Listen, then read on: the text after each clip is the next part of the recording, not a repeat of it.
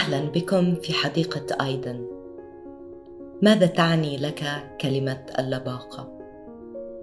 التواصل الغير لفظي مهم ولغة الجسد أيضا وكمان المفردات اللي بنستخدمها فهي بتنعكس علينا.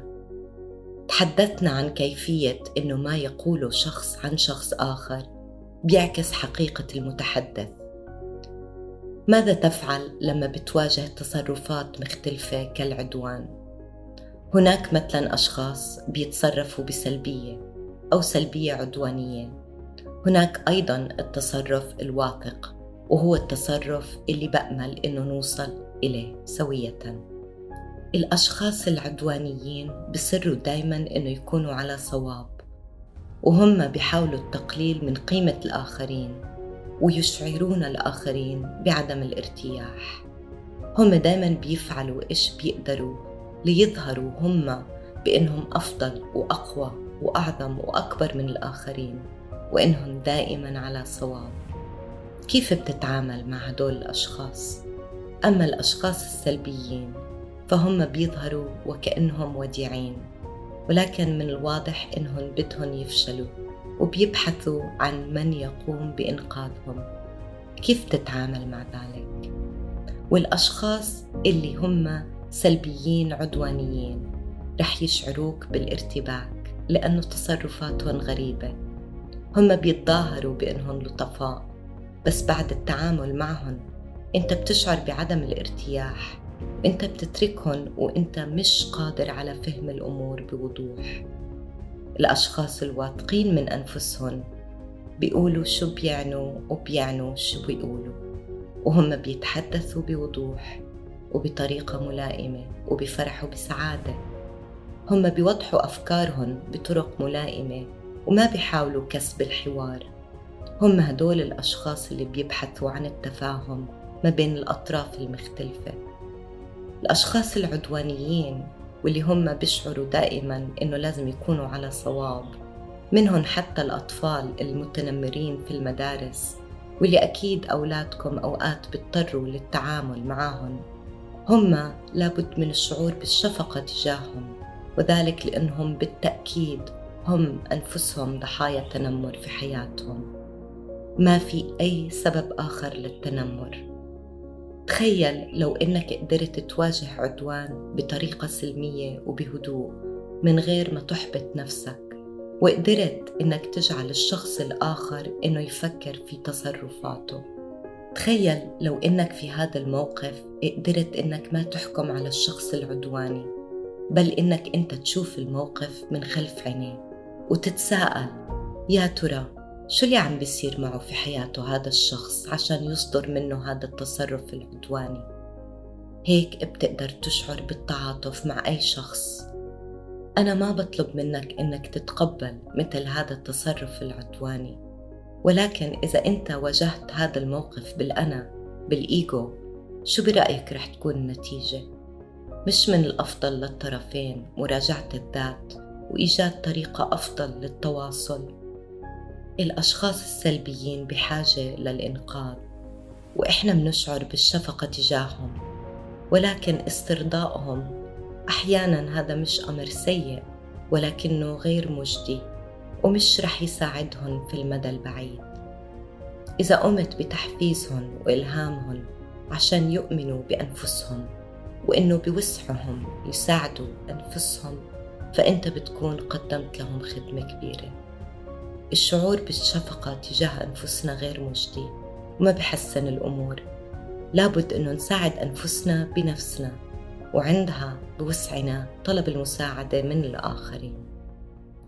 لما بتطلب المساعدة من الآخر بكل انفتاح وصدق وشفافية فهذا بيسمح للآخر إنه يستجيب بإيجابية. ولكن إذا كان طلب المساعدة قادم من إلحاح وإصرار فهذا ما رح يؤدي إلى نتائج إيجابية. لابد أنك تفكر إذا كانت تصرفاتك بتدل على الثقة بالنفس وهي الثقة تسمح لك أنك تكون منفتح وصادق في كلامك حتى ولو كنت مضطرب وشاعر بالغضب. السلبية والسلبية العدوانية طرق تصرف ما في فائدة منها وما بتجدي إلا إلى الخسارة.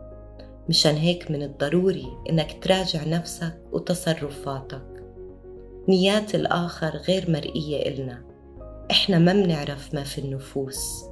إحنا منحكم على الآخرين بناء على نوايانا إحنا. لذا إذا كانت نواياك أنت جيدة وحسنة فهذا مهم. نعم أكيد تصرفات الآخرين تصدمنا أحيانا. ولكن مش من الأفضل إنك أنت تكون مرتاح مع الأمور الغير مريحة وتحافظ على نزاهتك وسلامك وتخلي الآخرين كما هم من غير ما تلومهم أو تهاجمهم أو حتى تشك في نواياهم. إن أتيت من نواياك الحسنة وليس من عقلك سوف تعرف متى يقودك حدسك نحو الصواب.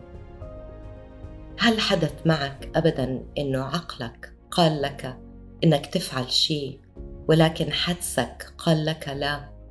وفعليا قمت بفعل هذا الشيء لتكتشف إنه حدسك كان على صواب.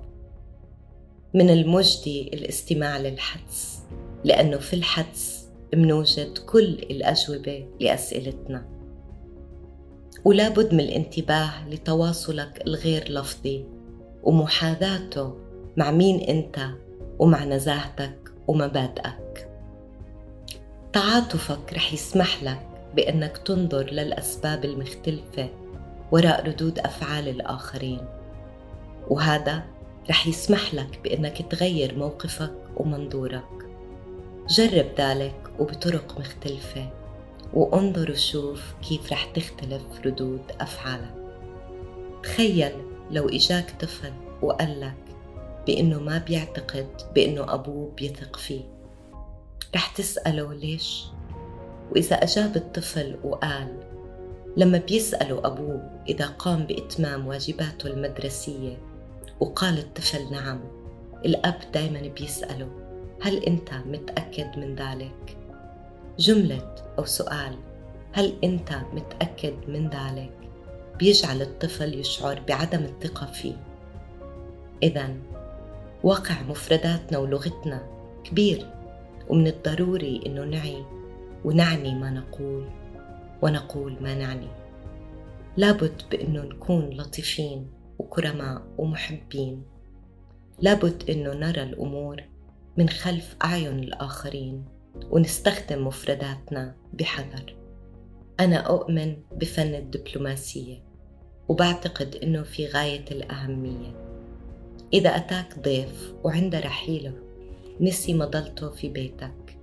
أنت بالطبع رح تركض وراه وتقول له بكل لطف أنت نسيت مضلتك ولكن إذا نسي طفلك أو شريك حياتك شيء هل أنت بتتعامل معهم بنفس الأسلوب أم بتلومهم وبتحكي معهم بطريقة غير لطيفة؟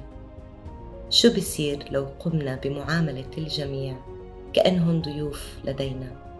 شو بصير لو عاملنا الكل بلباقة وبالأخص مين حولنا؟